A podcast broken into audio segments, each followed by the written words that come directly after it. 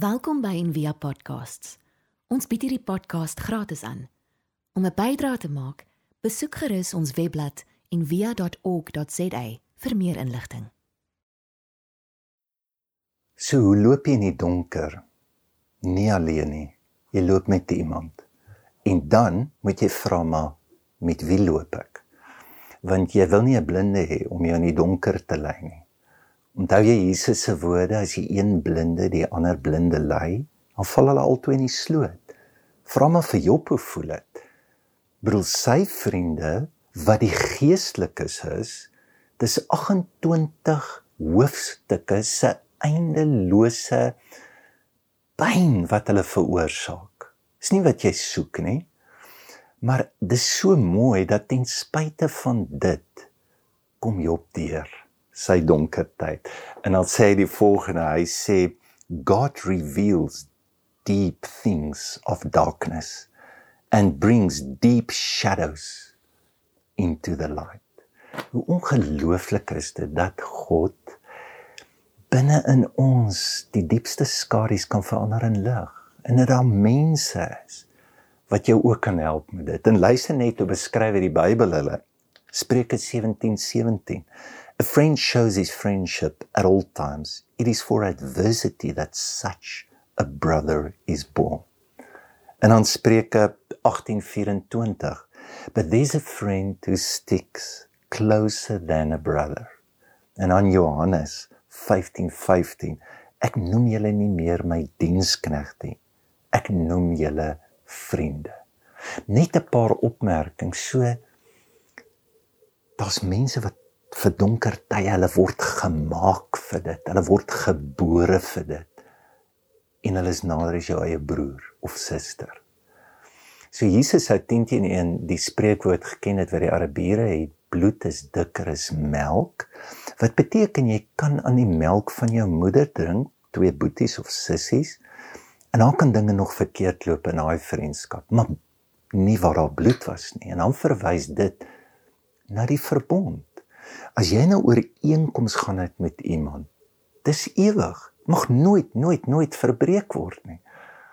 En die storie van die Bybel is dat God het met so verbond met die mens ingegaan. En ons het nou al gesê ook toe ons oor die natuur gepraat selfs met die diere en die Jode vier dit dat sy verbintenis aan ons is ewig en dat hierdie verbintenis ten diepste 'n vriendskap is, 'n omgee is. So wat een van die beelde wat ons kan help om dit te verstaan is dalk water en en beide dalk 'n watersuiweraar. Onthou julle Jesus wat vir die vrou by die put van Samaria sê: As jy my glo soos die skrif sê, sê strome van lewende water hê. En ons sê mos oor die Matjal of dis dinge vloei.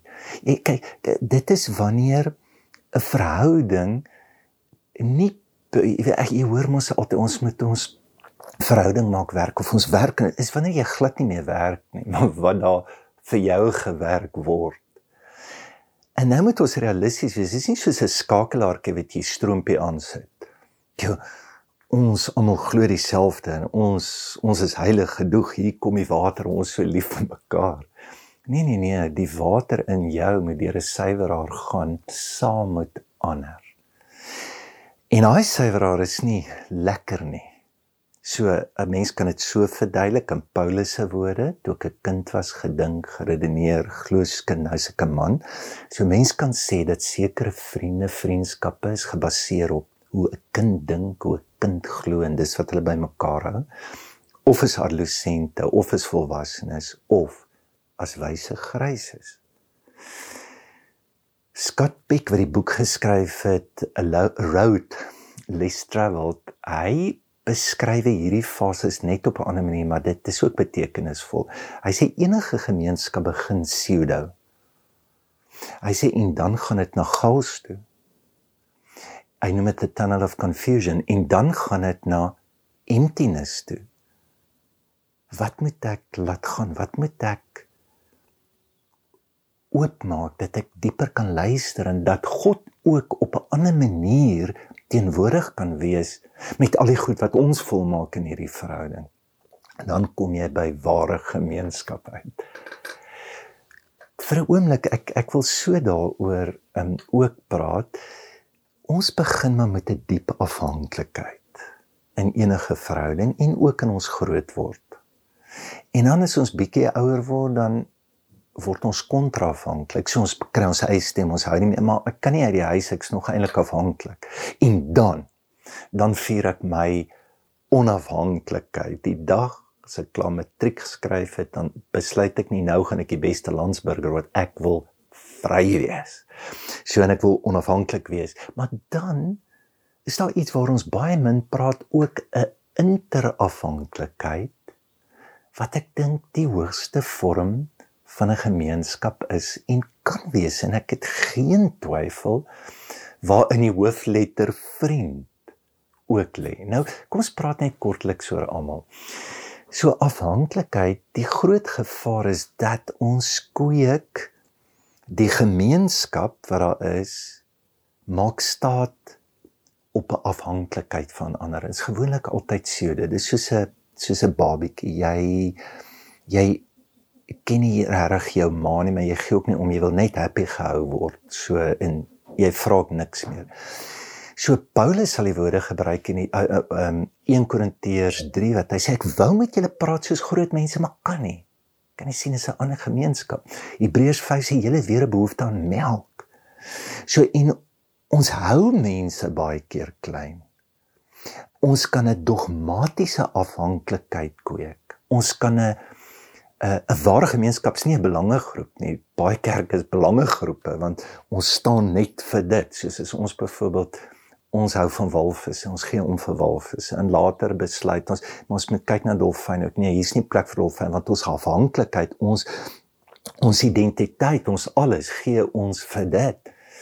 En selfs die hartseer is met kultuur. As jy kyk, daar's baie mense wat swaar kritiek gee veral binne kerke en dit word genoem 'n psychosexual culture. En ek ek kon nou nie my weerhou hierdie week om net weer te Google net te kyk na al die nuwe rockstars, die jonger ouens wat groot kerk het.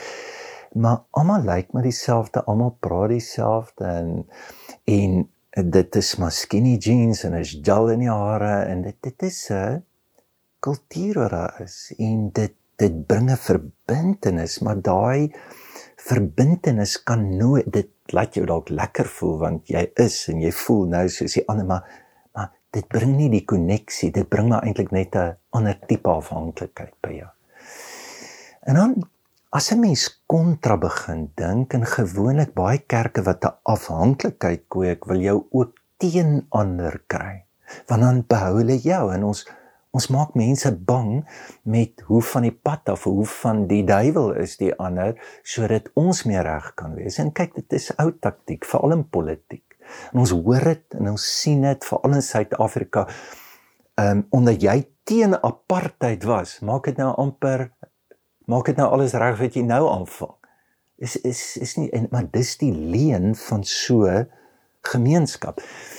En as ek dink aan my eie lewe, ek is deur dit, jy weet, maar jy raak later moeg vir dit en ek dink hier word baie mense uitgespoeg deur die kerk want ek dink hulle word net groot.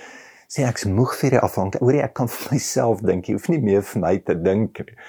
Ehm uh, en oor die ek ek's nou 'n bietjie moeg beklei ons hoef mense nou nie meer so sleg te maak en ons is ook regtig nie so reg nie. Jy weet, gewoonlik wanneer die groep hulle eie sondes ontdek dat dat dit so voor jou staan. Maar daar's ook 'n gevaar nê om dan op jou eie en ek dink ons aspireer na dit. Ons ek dink ons word geprogrammeer ook dat die grootste doel van hierdie lewe is om op jou eie te wees. En want dan jy 'n man.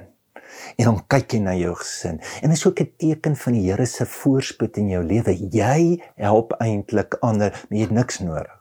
En die aanlyn kerk het dit nou ook gedoen, hè. Ek bedoel, ek nie van jou nie, ek sit jou af en ek hou van dit en ek ek moet ek hoef eintlik nêrens verantwoordbaar te wees vir enige iemand nie. Maar COVID het presies iets uitgewys vir die woord onafhanklik presies van sê jy's alleen. jy's op jou eie. En ewe skielik val mense weg in jou lewe of jou geliefde of en jy word verteer deur 'n diep diep alleenheid. En met die inperking word dit zoom eintlik in eintlik van hoe tragies is onafhanklik wie is nou dat jy eintlik waarvan jy ook afhanklik was dat selfs dit van jou weggeneem word. En Henry nou net baie oor skryf, jy weet hoe groot alleenheid die probleme is in die wêreld en dan sê hy it has become difficult to unmask the illusion that the final solution for our experience of loneliness is to be found in human togetherness. Hy sê is net illusie. So nou is ek alleen en nou gaan ek dit kry in 'n groep. En ongelukkig ons verkoop 'n gemeenskap of vriendskap as 'n kommoditeit as ek 'n bordjie opsit selfbeeldgroepie ons praat oor selfbeeld. Wie kom mense met 'n swak selfbeeld? En baie keer verkoop ons community en maar ons vang ook dan die groepie met wat ons nodig het of wat ons wil hê uit hulle omdat hulle 'n verskriklike alleenheid dis eintlik maar die uitbuiting van mense se alleen wees So en dan die laaste en dit is vir my baie mooi woord interafhanklik. Dit dit dit, dit is 'n ander manier van sê hoorie alles is verbind aan mekaar. Daar's 'n web. Noem dit heelheid. En die beeld wat die Bybel het, is die liggaam van Christus. En nou moet ons sê maar hoorie, wat is die liggaam van Christus? So 1 Korintiërs 12 sê die hand kan nie vir die voet sê ek het jou nie nodig en die oog kan nie vir die oor sê ek het jou nie nodig. Maar ons het 'n verskriklike probleem want ons het die liggaam van Christus gedegradeer tot 'n patetiese klein dogmatiese belange wat verdedig word en beskerm word wat niks anders is as 'n klein egoetjie wat wegkruip in godsdiens. En die liggaam is net soveel groter. So luister net wat sê um die Here. Hy sê alle dinge het deur hom ontstaan en sonder hom het nie een ding ontstaan wat ontstaan het nie. As jy wil weet wie's dis Christus se liggaam. Jy, jy moet eers vra wie's Christus. En dan moet jy sê niks het ontstaan wat nie deur hom ontstaan het nie. So Kolossense 1:17 sal sê hy is voor alle dinge en hy hou alle dinge in stand. Nou. Dis die liggaam van Christus. 2 Korintiërs 19 uit Christus groei die hele liggaam ondersteun deur die gewrigte en saamgebind deur die spiere soos God dit laat groei. So uit hierdie teenwoordigheid wat in alles is, wat alles in stand hou, binne dit laat God dit groei. So jy kan nie sê die liggaam van Christus oor dit is daai kerk op die hoek van die straat en daai is dit nie dit is glad nie is buite nie. So Richard Rohr sal sê the body of Christ is not out there or over there. It's in you. It's here and now and everywhere. The goal is then to move beyond ourselves and recognize that what's true in you is true in all others toe. En dis eerder die uitnodiging hoe groei ek om die God wat teenwoordig is en my in stand hou raak te sien en om dit in ander raak te sien. En jy moet, jy moet die grootste waardering hê vir hoe die liggaam van Christus werk. As jy die Bybel lees, as jy sien hoe God mense ontmoet. Ek bedoel God gebruik kraaie en donkies, maar hy gebruik ook mense wat wat jy eintlik oor vra moet hê. Moses, die Joodse ma, sy is in die donkerste tyd van haar lewe, sy sit om in 'n mandjie, sy laat hom gaan. Hoe is dit moontlik dat die Egiptiese prinses hom vat? Maar wil jy nie eerder hê dit moet 'n vrou wees wat dag en nag gebid het vir 'n kind wat die Here antwoord nie? Hoe is dit moontlik? Moes die weduwee wat die kruik en die olie het, moes dit nie 'n diep Joodse gelowige gewees het nie? Moes Ragab, moes sy nie eerder 'n toegewyde kerkmens gewees het? Sy's 'n prostituut, sy steek twee verspieders weg. En dan moet jy sien wat gebeur daar. Sy sy praat later oor die hele God en daar kom 'n diep verlange en 'n diep koneksie. Daar's nie 'n veroordeling daar. En weet jy wat doen sy? Sy red hulle lewe. En so kan ek aangaan. En as jy Jesus se lewe lewe, die grootste beswaar teen hom was is die mense wat deur hom gehelp word, wat aan hom verbind word, wat hom liefkry, wat hom want jy sien dis die liggaam van Christus. Jy sien dit fisies in hom. Hoe mense van alle kulture, dis soos Paulus sê in 1 Korintiërs 12, hy sê, "Man, daar is nie meer 'n Jood, daar's nie meer 'n slaaf nie, daar's nie meer 'n vryman nie, daar's nie meer 'n Griek nie, dis een liggaam." In hierdie saamwees En ons een gemaak meetskaplike deler by al hierdie mense. Weet jy wat is dit? Ware gemeenskap. 'n Diep interafhanklikheid, die werking van die liggaam teenwoordigheid van Christus. Wat te midde van chaos daar vasgehou word, anderster kyk, anderster luister, 'n openheid kry vir mekaar en dan selfs die gawe ontvang wat buite my verwysingsraamwerk is. 'n Vrou sit in Jesus se voete, sy huil, sy het 'n reputasie, sy droog sy voet af. Sy gee hom wat hy nodig het. Liefde, die diepste, intiemste saamwees wat 'n mens kan hê. So wie gaan jou help in die donker? Ek dink dis hulle wat hierdie pad geloop het. Ehm um, dis mense wat chaos ken, dis mense wat emptiness ken. Ehm um, dis mense wat daar kan staan. Jakobus beskryf dit mooi. Hy sê you can develop a healthy robust community that lives right with God and enjoy its results only if you do the hard work of getting along with each other, treating each other with dignity and honor. Wat jy nodig het Ons sê mos hierdie woorde, dis iemand wat die mooiste uit jou uitbring. Maar kom staan net stil daar. En ek glo dat dis 'n ware definisie van gemeenskap. So Parker Palmer sal dit net anders sê. Hy sal sê ware gemeenskap is iemand wat jou help om jou ware self na vore te bring. En ons het dit nou gesê, Thomas Merton wat sê jou ware self soos 'n klein bokkie in die woud. Jy vat nie 'n stok en slaan hom. Dryf hom en jy gaan nooit mense se diepste ware geskaapenheid sien nie. Maar hoe kan jy met die diepste vertroue en liefde en vashou iemand help?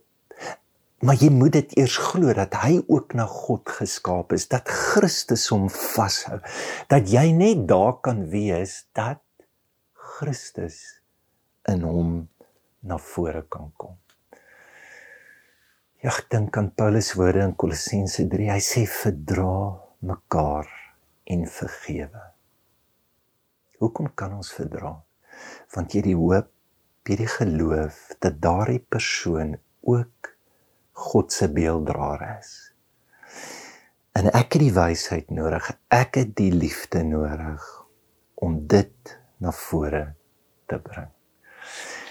Ek wil afsluit jare terug toe het ehm um, Isel en Jason hierdie gemaak en dit was ehm um, ek het gedoggie se datum as ek met skat seker 2001 en 2 en dan hy so 'n boodskapie preacher man daar agter vir my skryf maar dis se Jesus wat hulle geteken het sonder hande.